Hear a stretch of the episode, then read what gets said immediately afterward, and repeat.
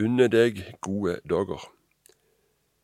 Jeg mener det er viktig å lage seg gode opplevelser og unne seg gode dager, selv om været eller livet ikke innbyr til det.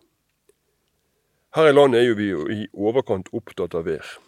Nettsidene til Yr og Pent og hva de kaller seg alle sammen, opplever stor trafikk. Og så planlegger vi deretter. Til helgen skal vi grille, hvis det blir bra vær. Neste uke drar vi på fjellet hvis det blir bra vær, da. Vi gidder ikke gå på fotballkampen hvis det regner. Vi planlegger ofte å gjøre de gode tingene på de gode dagene. Det kan kanskje være på sin plass å minne om at det finnes ikke dårlig vær, bare dårlige klær. Så spør jeg meg også om denne måten å planlegge på gjenspeiles på andre områder i livet enn bare det som handler om været. Når jeg bare blir ferdig med alt jeg skal gjøre, så skal jeg unne meg en skikkelig fridag. Når vi bare får ryddet alle problemene, så skal vi unne oss en bedre middag. Jeg drister meg til å dele noen ord fra forkynneren i Bibelen. Ingenting er bedre for et menneske enn å spise og drikke, og unne seg gode dager midt i all sitt strev.